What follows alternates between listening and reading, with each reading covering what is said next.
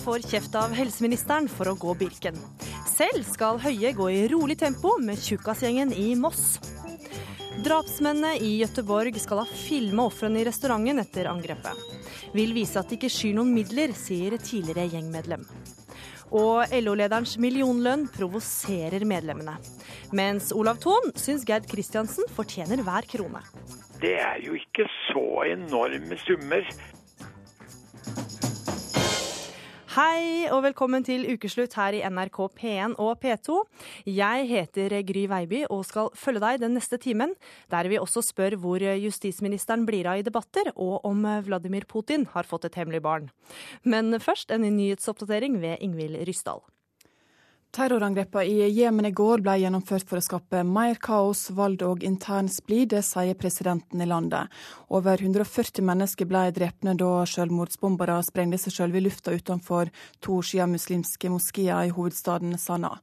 Terrorgruppa IS sier den står bak angrepet, og flere analytikere frykter nå at dette kan være et nytt steg mot full borgerkrig i Jemen. Politiet på Romerike har avslørt to kriminelle nettverk som rekrutterer ungdom ned i 14-årsalderen. Ifølge politiet er over 100 personer fra mange kommuner i distriktet involverte. Mange i nettverkene går på skole og selger narkotika til medelever, skriver Romerikes Blad. Bakmennene har tilknytning til de tunge gjengmiljøene i Oslo. Rundt 20 000 Lufthansa-passasjerer er rammet av streik i dag. Ingen avganger til eller fra Norge er rammet, men den kan få konsekvenser for de som skal bytte fly i Frankfurt eller München.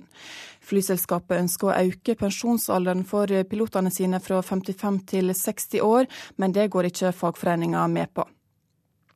Sorg kan bli gyldig grunn til å få sykepenger. Det sier arbeids- og sosialminister Robert Eriksson til TV 2.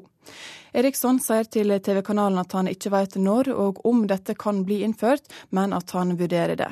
I dag gir ikke sorgreaksjoner rett til sykepenger. Mange får derfor andre psykiatriske diagnoser. Petter Eliassen vant årets Birkebeineren for menn. Han dro fra Martin Jonsrud Sundby de siste kilometerne, og slo til slutt storfavoritten med ti sekunder. Therese Johaug tok som venta sigeren i kvinneklassa. Nå holder ukeslutt fram med gjengoppgjøret i Gøteborg. Ja, for det ble til tider amper stemning da Sveriges statsminister Stefan Löfven besøkte stedet der to unge menn ble drept i Göteborg. Statsminister, en fråga! Hvor lenge skal du være det her? Hvor lenge skal du pågå? Hva heter personene som er døde, vet du det? Det var sterke kjensler. Ja, det er veldig sterke. Men det tror jeg er mennesker døde. Det er klart at det er sterke starkt. For onsdag kveld ble altså to skutt og drept og flere skada etter at det ble avfyrt flere skudd inne på en restaurant i byen. Og Roger Severin Bruland, du er fortsatt i Sverige, og det var du som møtte statsministeren. Det har kommet fram at disse drapene var resultat av et gjengoppgjør. Hva mer vet du? Stemmer det. Det teorien politiet arbeider ut for, er at dette her var et hevnedrap på en 25 år gammel gjengleder, som tidligere har bestilt drap på en konkurrerende gjeng. Vi hører at det er sterke følelser i sving. Kan det bli flere oppgjør i kjølvannet av dette? Det er jo det en frykter. at uh, jo det, det, som har skjedd nå, er jo en eskalering av denne gjengkrigen i denne drabantbyen. En har brukt tunge automatvåpen, Kalasjnikov. Uskyldige personer har blitt drept. Mange tilfeldige har blitt såra, ligger på sykehus. Og en frykter jo hva svaret vil bli fra den andre gjengen, altså den gjengen som nå ble, ble angrepet. Hvordan vil de hevne seg igjen? Vil de bruke enda verre metoder? Vil enda flere uskyldige bli drept? så det råder jo en, en utrygghet i disse her drabantbyene. Folk er jo redde for å gå ut på kvelds- og, og nattestid. Mm. Ekspressen melder at gjerningsmennene filma ofrene inne på restauranten før de dro. Hva mer vet du om det? Ja, gjerningsmennene opptrådte rolig. De gikk inn der. Han ene han holdt liksom folk i sjakk med gevær, mens den andre målretta gikk bort og skjøt den der gjenglederen i hodet. Og så var det et eller annet som gikk gærent. Det, det kom en automatbyge, og mange tilfeldige ble drept, som ikke var med i dette gjengmiljøet. Bl.a. en person som satt på en sånn der enarma banditt, var skutt i ryggen med fire kuler. Og, og, så hadde de da igjen rolig forlatt åstedet etter å ha tatt bilder av det. da, så så det viser jo det at eh, det politiet sier at eh, en, eh, en er ganske sikre på at en var ute etter den ene bestemte personen som var en leder i denne gjengen da, som er i Sødra Biskopsgården. Takk til deg, Roger Severin Bruland. Elias Mohammed, du var tidligere medlem av gjengen Young Guns. Det var en helt spesiell opplevelse som gjorde at du brøt ut av miljøet. Hva var det som skjedde? Ja, nei, jeg også uheldigvis har opplevd å miste en nær venn pga. Uh, uoverstemmelser i gjengmiljøene. Og ikke minst så har jeg opplevd at min bror og hans bestevenn ble utsatt for rasistisk motivert uh, drap. Så vold, det kjenner vi også på her i uh, Norge. Hvilke tanker gjør du deg da når du hører om det som har uh, skjedd i Gøteborg? Altså Det første som slår meg, er jo altså Når jeg fikk uh, nyss i dette, her, så tenkte jeg at dette må være en bestillingsdrap. Uh, grunnen til at jeg tenker det, er litt uh, måten det er blitt gjort på. Når du ser at personen går inn, er kald og rolig og skyter bestemte mål og sprer litt sånn frykt rundt seg, så er det tegn på at man skal skape et bilde av at ikke kødd med oss. Samtidig så tenker jeg liksom at når du gjør det på den måten her, så har ikke du noen følelser med i bildet i forhold til den som utfører det.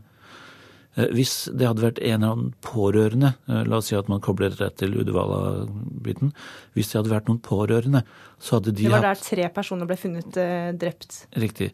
Hvis det hadde vært noen pårørende direkte linka til de som ble drept der, så kunne man tenke seg at det hadde ligget følelser i bildet. Da hadde reaksjonen vært annerledes. Personen som skulle ha utført det, hadde brukt sinne, aggresjon Eh, eller eh, vært såpass eh, hatt det veldig følelsesmessig tungt at den ville ha reagert annerledes enn å være kald og rolig. Så her var det noen som kanskje ikke kjente de Uddevalla eller andre, altså som har bare fått en bestilling og gjort dette her? Nei, det kan godt være mulig at de kjenner dem, men mm. de har ikke en følelsesmessig tilknytning mm. den veien. Og så ifølge Ekspressen så skal da gjerningsmennene ha filma hele seansen, altså, eller filma etterpå. Hva, hva, tenker du om det? Nei, Det også på en måte kan uh, gi indikasjon på at det er bestilling. At mm. Vi vil vise at f.eks. at rette mann har blitt tatt, eller at vi viser at sånn gjorde vi det. Og i ettertid kan man da spre dette her i miljøene for å skape frykt, for å vise at man ikke skyr noen midler for å markere seg. En av de drepte skal da altså ikke ha hatt noen tilknytning til eh, gjengmiljøer. Hvordan tror du gjengmiljøene selv ser på det, at det er en eh, utenforstående som har eh, måttet bøte med livet? Og det kan være veldig tøft. Konflikter innad i miljøer blir gjerne innad i miljøer. Når uvedkommende blir utsatt, så er det følelsesmessig tungt ofte. Men i dette tilfellet her så kan man også vurdere seg var det bevisst.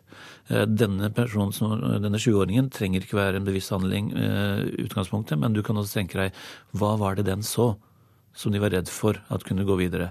Og I dette tilfellet så kan man tenke at de så at han sto ute når han kom, og sto, han sto fremdeles ute når de gikk. Eh, ergo så vet han hvilken bil de kom i, f.eks. Mm. At han kan ha en viss type informasjon som de kan være opptatt av å øh, ikke skal komme videre, da. Men det er jo en farlig barriere å bryte, da? Å skyte det er en farlig barriere å bryte, men samtidig så er det når du begår en sånn type handling, så tenker du også at hvordan kan jeg redde meg i situasjonen i ettertid? Og da prøver man da å unngå øh, vitner. Og det er igjen tegn på at dette er bestillingsdrap. Ja. Du jobber jo mye med forebygging. Helt eh, kort til slutt her, Hva skal til for å få folk ut av gjengmiljøer? Se enkeltindividet. Eh, vi har eh, sett, uten å sammenligne Norge og Sverige, så har vi sett at det har vært mange situasjoner i Norge, og enkelte av dem har vært såpass ekstreme at man da kan nesten si at der også har man eh, tydd til eh, drap eh, uten følelser eller med følelser. Jeg mener at det vi kan gjøre i samfunnet, er tenke tilbake på 60-70-tallet, bry oss om voksne individer. Det vi kan gjøre, er måten Forebyggingen foregår på bl.a. metoden politiet bruker. er å ikke sette miljøer opp mot hverandre, ikke tenke på hardt mot hardt, ikke gå bort fra de der nulltoleransetankene. Heldigvis har politiet mye bedre løsninger nå enn det de hadde for bare fem år siden. Så det å være synlig, det å være en trygghet, er veldig avgjørende. Takk for at du var med i Ukeslutt, Elias Mohammed. Hvor har det blitt av debatter der justisminister Anders Anundsen er med, spør vi snart. Men først Katy Perry. Vi har jo invitert justisminister Anders Anundsen. Han takket nei til å være med i Dagsnytt 18, og sier han tar dette til etterretning. Senest i går kveld ble Anders Anundsen invitert til to debatter i Dagsnytt 18, men takka nei. For selv om både Krekar-saken og mistillitsforslag har gjort at justisministeren er en debattant mange vil ha tak i, er det ofte statssekretærene vi ser i radio- og TV-studioene. Og mange spør nå hvor er Anundsen, har han tatt en Putin? Ukeslutts reporter Linn Beate Gabrielsen tok på seg oppdraget med å finne ut hvor han er.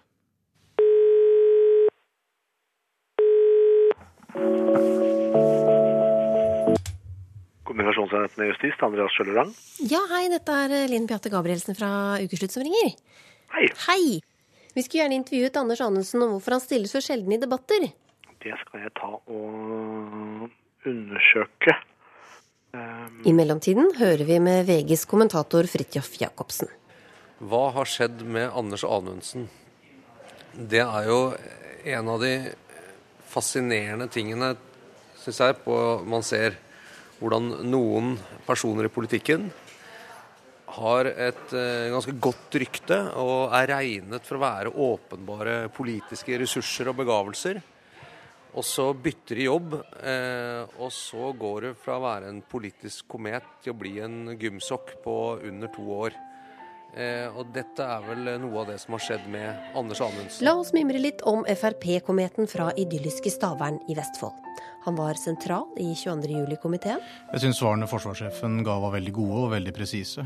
Og han kom jo også med det jeg opplever som helt nye opplysninger knytta til Og som leder av kontroll- og konstitusjonskomiteen på Stortinget grillet han bl.a. Jonas Gahr Støre om pengeoverføringer til selskapet til vennen Felix Tschudi. Jo, men når du da vet det du vet nå, er du ikke da enig i at det var Trudy Shipping Company som tok initiativet til dette senteret?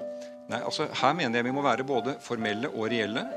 Han var en eh, mann som gjorde ganske godt inntrykk på mennesker. altså Den hva skal man si, de, den siviliserte, veltalende Fremskrittspartipolitikeren. En sånn ny generasjon av Frp-ere som eh, var mer slips enn grilldress. Eh, og så ble han justisminister og sliter nå tungt. og ja, fra å være en som var glad i å være i offentligheten, så er han jo nå nesten aldri i offentligheten lenger. Vi har invitert justisminister Anders Anundsen til studio i dag, men han takket nei. Vi har invitert justisminister Anders Anundsen til Dagsnytt 18 i kveld, men han kunne ikke stille. Dette har blitt en stående Twitter-vits, og da han ikke stilte i Dagsnytt 18, da Arbeiderpartiet gikk inn for mistillit mot ham, klarte ikke Aps Jette Christensen å holde seg. Vi skulle gjerne hatt Anders Anundsen her i studio, dessverre hadde han ikke anledning til å komme. Men jeg avbrøt deg. Alt i orden. Det er en grunn til å forklare hvorfor en justisminister ikke har tid til å komme i NRK. Også Aftenpostens Harald Stanghelle merket seg dette.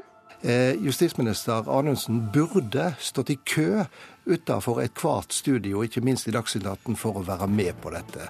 I stedet så er han helt fraværende i debatten. Vi ser det i asylsøkerdiskusjonen. Helt fraværende der også. Men stemmer det at Anundsen ikke stiller i debatter?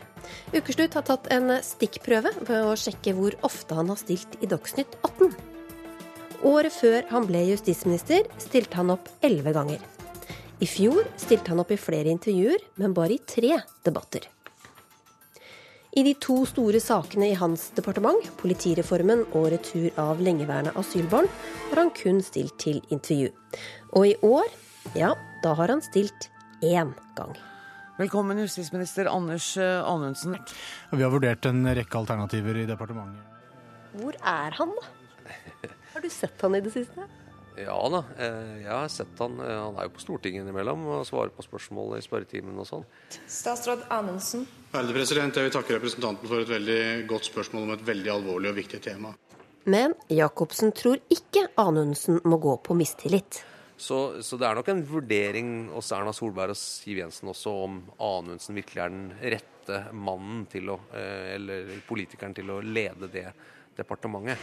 Og det kan jo hende at det er mangelen på den tilliten kanskje som, som vil ende med å, å Hvis han nå eh, går av før perioden er over, eh, og det vil kanskje ikke overraske meg, så, så, så vil jeg tro at det er kanskje heller det som vil felle han.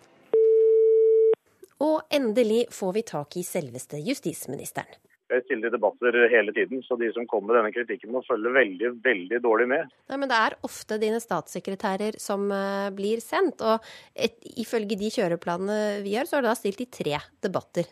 Ja, Som sagt kjenner ikke jeg meg igjen i det bildet overhodet. Jeg deltar i debatter i Dagsnytt 18 og Politisk kvarter og mange andre debattdater så ofte som det lar seg gjøre. Men hva syns du da at det blir diskutert uh, offentlig, både på lufta og på Twitter, at uh, du ikke er nok til stede?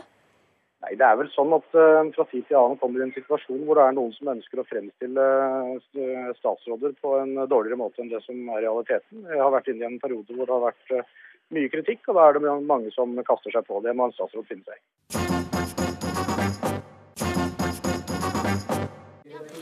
Nei, egentlig ingen store problemer. Knallbra ski. Men det er jo en deilig egotripp eh, å liksom ha den Birken-greia. Jeg beklager, jeg kan ikke. Jeg skal trene til Birken. Så eh, jeg vet ikke hvorfor jeg ikke har gjort det før, egentlig. Ja, her hørte du kronprins Haakon, som akkurat har kommet i mål i eh, Birkebeinerrennet. En annen som eh, også har nådd målstreken nå, etter 54 km med ski på beina, er Arbeiderpartileder Jonas Gahr Støre. Ifølge VG mener helseminister Bent Høie, som selv tilbringer dagen i rolig tempo med Tjukkasgjengen i Moss, at Støre gjør det vanskeligere for folk å komme seg opp av sofaen ved å delta i skirennet. Vi ringte Støre tidligere for å høre hva han syns om det. Jeg syns det er en veldig pussig uttalelse av eh, en helseminister, egentlig. Eh, jeg skal eh, gå i skirenn med flere tusen andre, og det er folk som har valgt å gå en fin tur over fjellet. De konkurrerer litt med seg selv og litt med andre, og det er jo det mangfoldet av mosjon det mosjon er. Så det å sette ulike typer mosjon opp mot hverandre, det syns jeg ikke er godt uh, folkehelsearbeid. De jeg ser eh, på vei til startstreken her oppe på Rena, det er noen av verdens beste skiløpere som er eliteløpere, men det er mange, mange, mange mosjonister og folk som har satt seg mål, og som gleder seg og gruer seg og skal ha en, en, en, en fin tur på ski. Så det å, det å, si at disse gjør det vanskeligere for noen andre å nå sine mål, det syns jeg er uh, en rar måte å uttrykke seg på. Ja, Helseminister Bent Høie, på hvilken måte kan det at Støre er med i Birken være med, på å gjøre det vanskelig å komme seg opp av sofaen? Nei, Det mener jeg eh, ikke, og det er ikke det jeg har sagt til VG. Det som er viktig for meg Hva har du sagt til VG, da? Ja, Det som jeg har sagt, det er viktig at vi ikke skaper et inntrykk av at det er den type innsats som må til for å ta vare på helsen sin. Jeg mener at eh, litt av utfordringen i eh, debatten om folkehelse er at en eh, har hatt for mye pekefinger, at en gjerne har skapt inntrykk av at det er så mye innsats som skal ned, både en fysisk aktivitet, men òg at en liksom må legge totalt om kostholdet sitt. Jeg mener at vi må få fram at litt er nok. Det å gå en hverdagstur er viktig. og Derfor så mener jeg satt på spissen at eh, Tjukkasgjengen er viktigere for folkehelsen enn eh, Birkebeinerne. Men hva slags signal sender det da, når en helsepolitiker eh, går Birken? Nei, alle må gjerne gå Birken for meg, og jeg ønsker Jonas Gahr Støre god tur. Og jeg håper han vil kose seg på turen sammen med alle de andre som sikkert vil òg ha en fantastisk flott opplevelse. Jeg elsker å gå på ski sjøl. Det er ikke det dette handler om. Men det handler om at vi må være bevisst på Og hvis vi ser nå blant ungdom, så er ungdom flinkere til å ta vare på helsa si i forhold til den fysiske helsen. De røyker mindre, de drikker mindre, de er mer fysisk aktive. Men vi ser samtidig at det presset som en opplever, det fører òg til at en får flere ungdommer som får store problemer med sin psykiske helse. Og jeg er opptatt av at vi nå i folkehelsepolitikken òg må likestille den psykiske helsen med den psykiske helsen. Og da må vi òg tenke på at vi ikke legger terskelen for å lykkes i samfunnet for høyt. Det å gå Birken er langt ambisiøst, da, Støre. Setter du ikke terskelen for mosjon veldig høyt? Jo, men altså, la meg si at Her bruker helseministeren et skirenn som noen tusen mennesker går, som et påskudd til å snakke om masse folkehelseting som vi er veldig enige om i Norge. Mm. Eh, og så prøver han å si at man må ikke skape inntrykk av at dette er eneste veien til folkehelse. Hvem er det som har sagt det? Jeg har ikke hørt noen som har sagt det. Jeg tror i folkehelsepolitikken, som engasjerte meg sterkt som helseminister selv, så var det viktig å si til folk du kan sette deg mål. Det er viktig at alle tenker at jeg kan gjøre litt på det som er mitt utgangspunkt. Eh, I fjor så jeg et flott bilde i avisen av Bent Høie som hadde syklet Nordsjørittet. Det tror jeg aldri jeg hadde klart. Det er ti mil på sykkel, og han hadde syklet det veldig fort. Det var hans mål. Han hadde satt seg et mål. Men det er jo ikke det samme som å si at alle, enten de er tjukke eller tynne eller høye eller smale, skal sykle det rittet, men det var hans mål. Og Min erfaring med folkehelsepolitikk det var å si til folk som ville slutte å røyke, de som ville gjøre noe med alkohol, de som ville gjøre noe med fysisk aktivitet, litt er en fin start. Så alle setter seg mål, og jeg har satt meg ett mål for meg selv som jeg ikke har annonsert noe sted. Det er at i år skal jeg forsøke å gå denne turen. Det er mitt mål. Og da syns jeg ikke helseministeren skal bruke det som et påskudd til å snakke om uh, alle mulige andre helt uh, fine ting. Og denne tjukkasgjengen som han trekker frem, den, de har jeg møtt og besøkt og heiet på. For det er folk som har sagt at for dem var det å komme seg opp på sofaen og gå et kvarter eller en halvtime, det var deres mål. Og det var veldig flott mål, og det heier jeg veldig på. Bent Høie, du skal altså gå i rolig tempo eh, i morgen. Bør ikke du som helseminister legge lista litt høyere, da? Nei, Det er det som er hele mitt uh, poeng. Uh, nemlig at uh, den, det inntrykket som skapes, og ikke minst òg gjennom media og media sin oppmerksomhet rundt f.eks. Birken, det skaper et inntrykk som gjør at det er det det er der en må legge listen hvis en skal lykkes. og Det er jeg redd for fører til at eh, mange tenker at dette klarer ikke jeg, og så blir en heller sittende i ro. Da tror jeg det er viktig at vi bidrar alle sammen til å løfte fram betydningen av de enkle tingene, av eh, hverdagsturen, av kveldsturen, det å bruke det nære, eh, nære friluftslivet. Så jeg, har jeg ingenting imot verken at Jonas Gahr Støre eller andre setter seg mål om å gå Birken. Jeg sykla Nordkjørittet i fjor, ikke på veldig god tid, tvert imot. Og den eneste treningen jeg hadde, det var at jeg sykla en søndagstur til mor mi og spiste kake. Men det var en fantastisk flott opplevelse å være sammen med mange andre. og Derfor syns jeg òg at den type arrangementer er veldig fine. Men når vi skal diskutere det som vi har virkelig behov for i folkehelsepolitikken, så er det å løfte fram de enkle tingene som alle kan. Jo, men uh, Bent det Jeg må nesten smile, for jeg har også lagt frem folkehelsemelding. og det, det skal vi gjøre. Men jeg tror det viktigste vi skal gjøre i et land hvor vi har et stort spenn mellom det vi orker og klarer og setter oss som mål, så er det ikke å lage motsetninger. Og jeg tror hvis du, hvis du, hvis du tok deg en tur opp her hvor jeg er nå på Rena, hvor det er tusenvis av folk som forbereder seg, så møter jeg folk som har vært syke og kommet seg ut av sykdom ved at de har trent.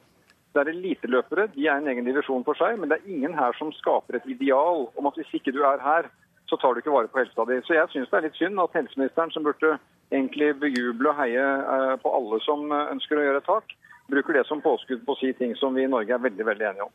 Du er ikke bare litt sjalu på Støre, da, at han orker å gå Birken? Absolutt ikke. Forrige helg var jeg gikk i Ridderrennet sammen med mange andre på, på Beitostølen. Det var jo en fantastisk opplevelse. Eh, mange som gikk der òg for, for, første gang, hadde med seg assistent og gjennomførte skiløp som de hadde satt seg som mål å klare. Og alt dette handler om å mestre innenfor det som en sjøl setter som mål. Men jeg tror egentlig at eh, Jonas Gahr Støre er enig med meg i òg at vi har et behov for å ta en diskusjon om om vi i det norske samfunnet er i ferd med å legge listen for hva vi forventer av hverandre så høyt at det er en del mennesker som faller utenfor. Og det å tørre å ta den diskusjonen, det betyr at vi òg av og til må sette ting på spissen. Men myten om Birken er jo kondomdress, finanstopper og svinedyrt uh, utstyr.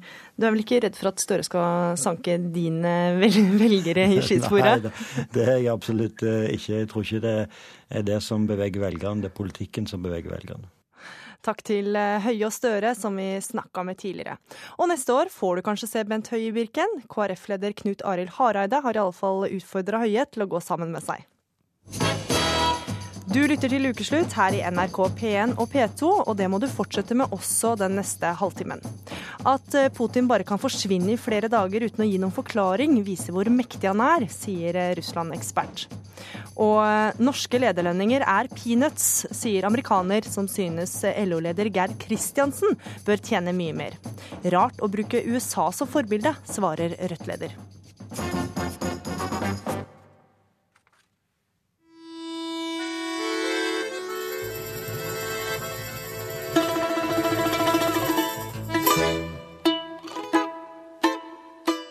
Now, the question on everybody's lips today seems to be where is Vladimir Putin? President Putin unexpectedly disappeared from public view for several days. Kremlin is dismissing rumors that President Vladimir Putin is ill. Rumors were circulating about the Russian leader's health, given that he'd not been seen in public for at least a week. Ja, Spekulasjonene har vært mange etter at eh, Russlands president eh, Vladimir Putin ikke viste seg offentlig på elleve dager. Men denne uka dukka han opp igjen uten å forklare verken hvor han hadde vært eller hva han hadde gjort, forteller Morten Jentoft fra Moskva. Han hadde som vanlig sitt litt lure smil på lur, 62 år gamle Vladimir Putin, da han på mandag plutselig var tilbake i offentligheten og sa at det ville være en kjedeligere verden uten rykter. Men etter å ha vært borte fra offentligheten i ti dager, har vi den siste uken kunnet se en russisk president ofte på TV, der han kommenterer alt fra investeringsklima til Vesten, som han mener prøver å undergrave Russland, bl.a. ved å boikotte den planlagte storstilte markeringen av at det er 70 år siden seieren over Nazi-Tyskland under annen verdenskrig. Занят, наверное, своими делами. Han var vel rett og slett opptatt, sier Timur, som jeg treffer utenfor Aktsjabaskaja metrostasjon i sentrum av Moskva. Kanskje han var ute for å kontrollere veistandarden. Vi har ikke tenkt så mye på at Putin var borte fra offentligheten, sier en annen kvinne som forteller at hun ikke er fra Moskva og ikke følger så godt med i politikken. Og den generelle holdningen blant dem som jeg snakker med, er at de egentlig ikke bryr seg så mye om landets president har vært borte fra TV-skjermene noen dager.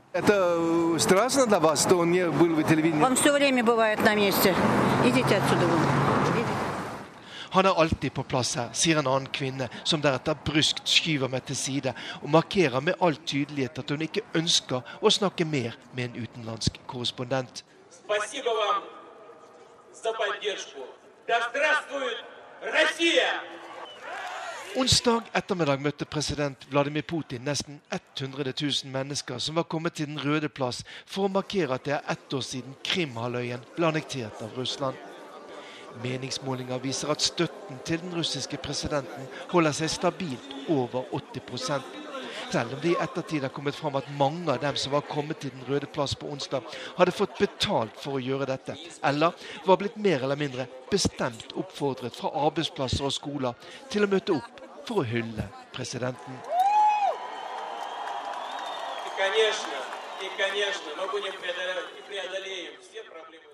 Jevgenia Jegorova, du er fra Russland og har bodd i Norge i elleve år. Er det sant at eh, russerne ikke bryr seg om det som har skjedd?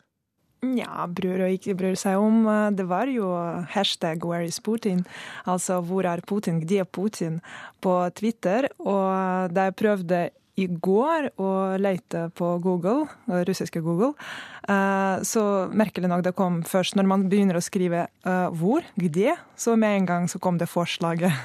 hvor, er Putin? Og hva, hva er din forklaring? Hvor er det Putin har vært?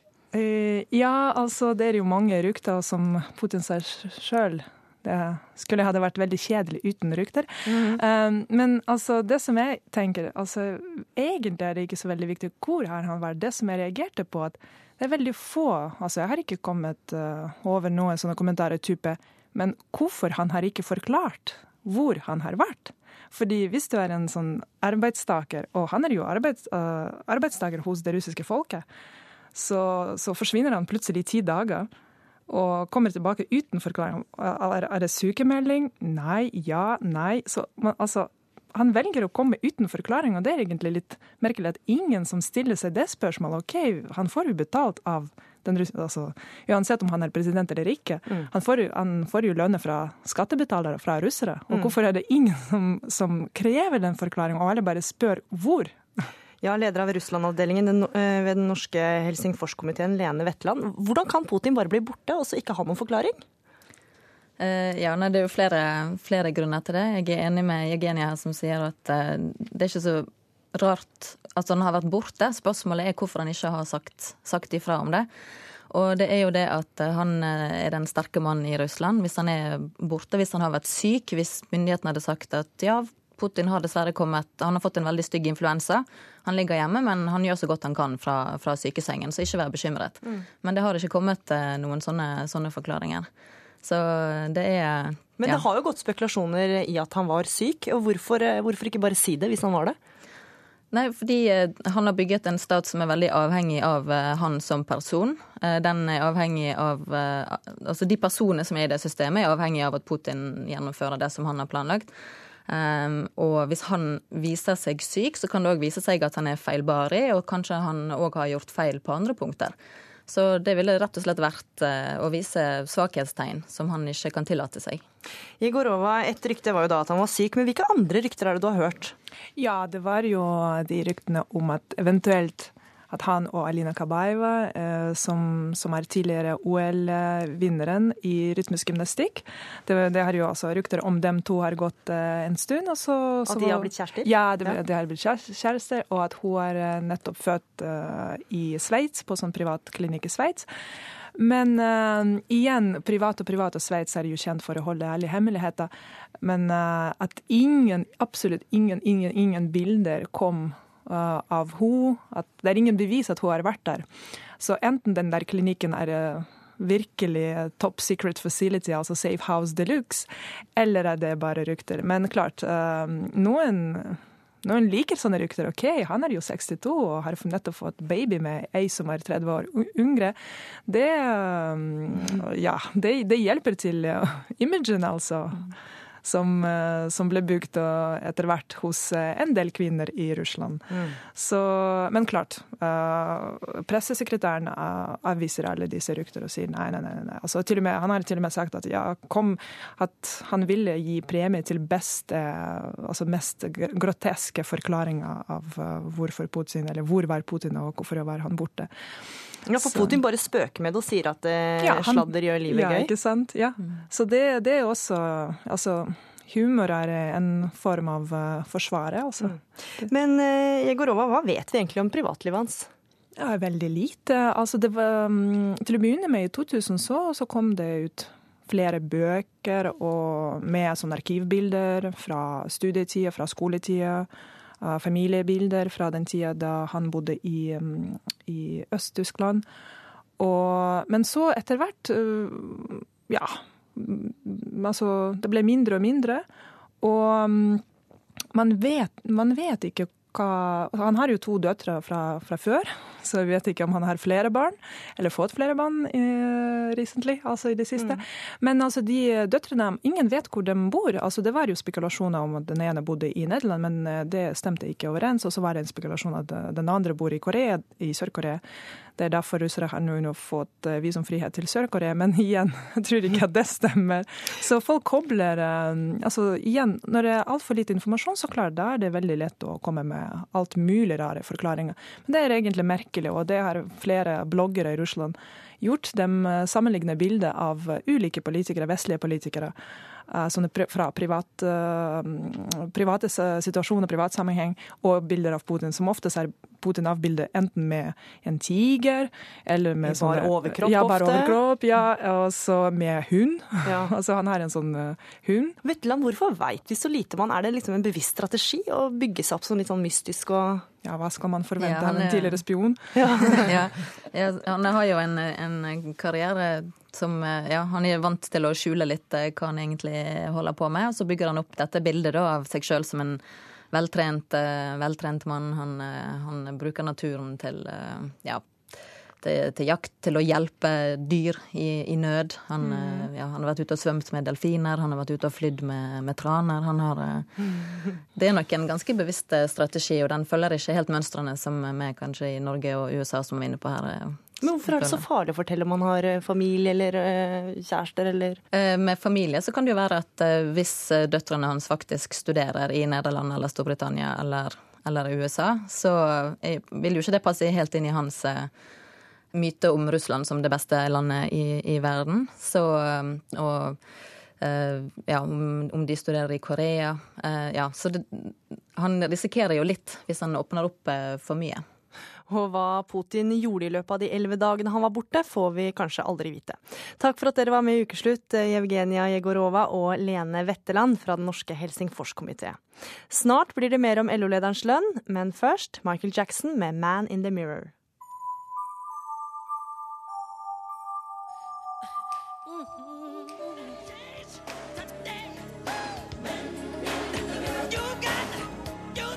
Michael Jackson med 'Man in the Mirror'.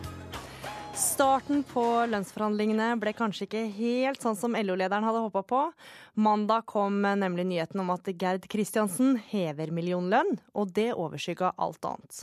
Medlemmene på gulvet er ikke fornøyd, men er lønna for drøy? Reporter Kari Li undersøker. At vi er nødt å ha et moderat oppgjør i år, det er vi enig i. Ja, jeg er veldig enig med, med, med Gerd her at vi skal være veldig forsiktige med å snakke om tall.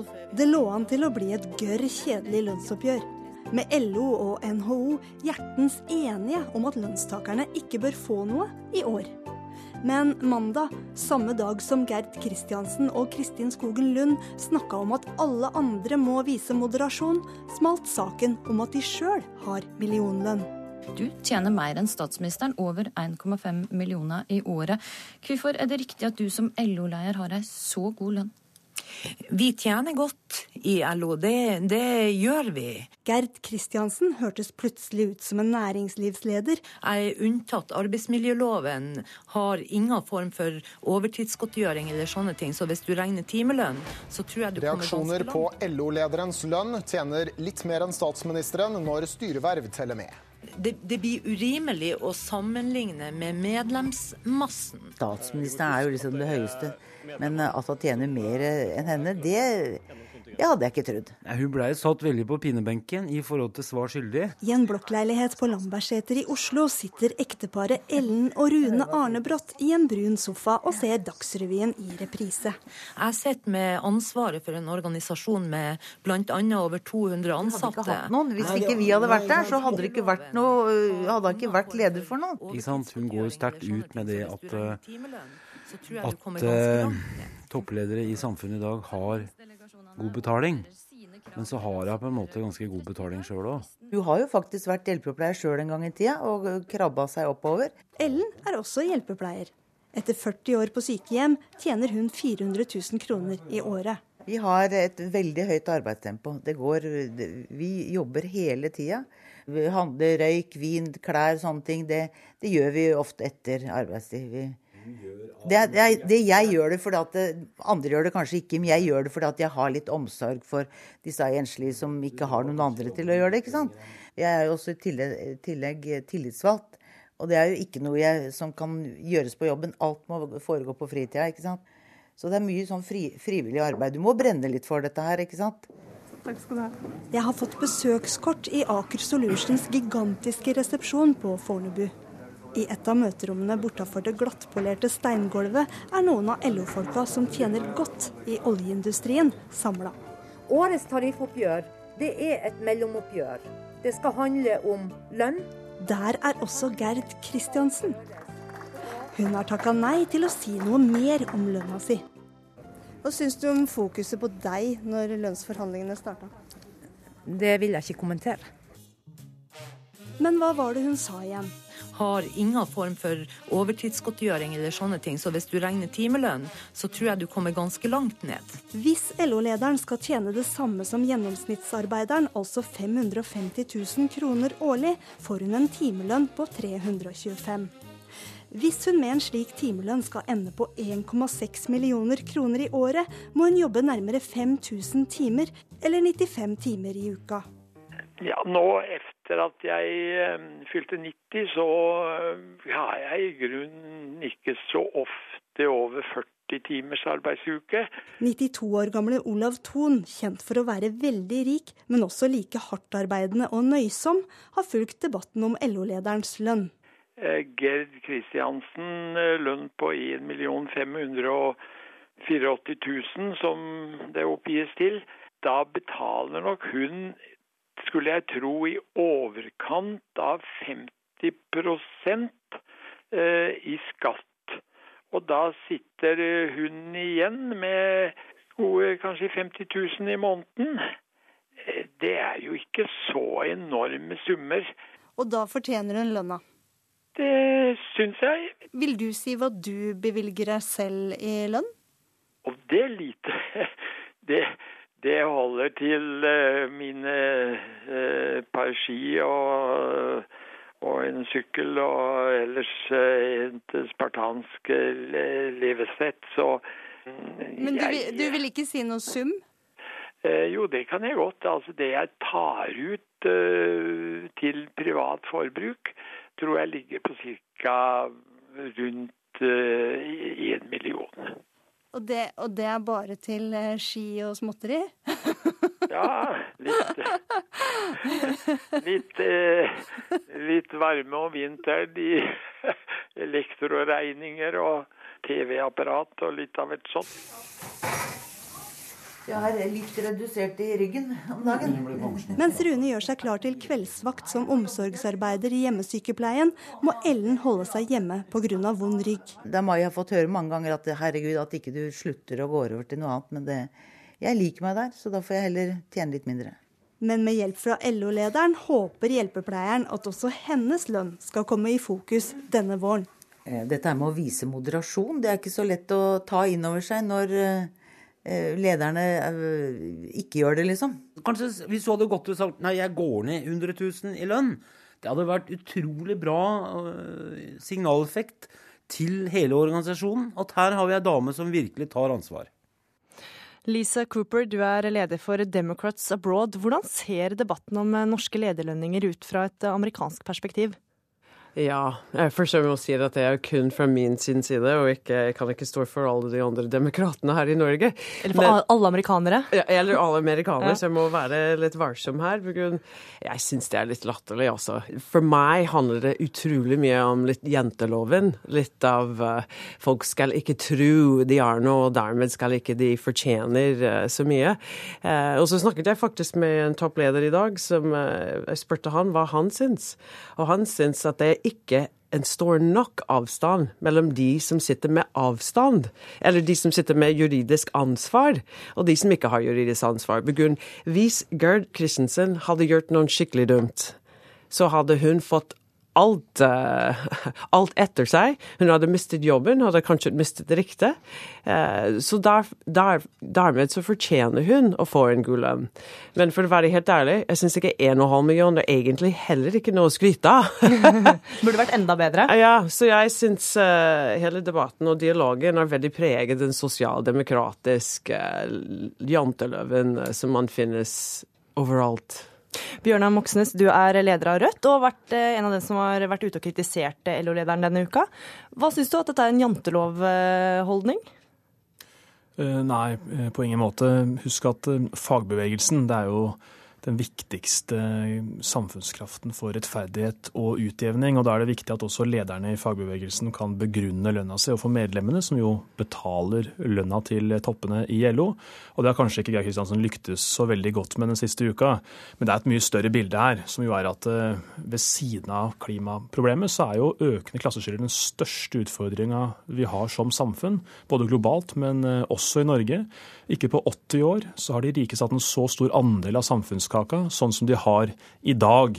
Og alle elsker jo Piketty eh, om dagen, eh, fra både høyre til venstre i politikken. Men hans poeng er jo at vi er i ferd med å få tilbake klasseskiller som vi ikke har sett siden før andre verdenskrig. Og da bør vi gjøre noen tiltak politisk for å få ned de voldsomme lederlønningene. Nei, jeg er helt enig. Vi har en utfordring med klasseskiller, men jeg tror det er ikke helt på ledernivå.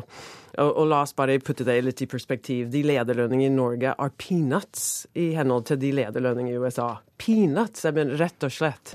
Det er mange toppledere der som tjener sikkert 12 millioner dollar i året. Så norske ledere har ikke... Og så vi klager på 1,5 million. Så det er ikke anstendig lønn i, yeah, it's, it's i, USA? Så det er, jeg er helt enig med, med det med klasseskillet, men jeg tror klasseskillet og Piketty var, var litt mer for de lavere sjiktet i samfunnet. Det er veldig lite sosial mobilitet um, osv. Men jeg føler at en samfunn er nødt til å ha vise lønnsklasse og vise klasseskiller. Vi er nødt til å ha noen som tør å ta en lederskap. Men hvorfor er det viktig at de skal tjene så mye? Det, det, er igjen med den ansvar. ja, Og så, mye eh, ansvar, ikke bare for selve virksomheten, men også juridisk sett, hvis det går gærent. Så det er alt på sin skulder. ja. Ja, Moxnes, det er jo stort ansvar ledere har. Bør ikke lønnes deretter? Altså Ellen i reportasjen minnet om eh, moren min, som også har vært hjelpepleier på et eh, aldershjem.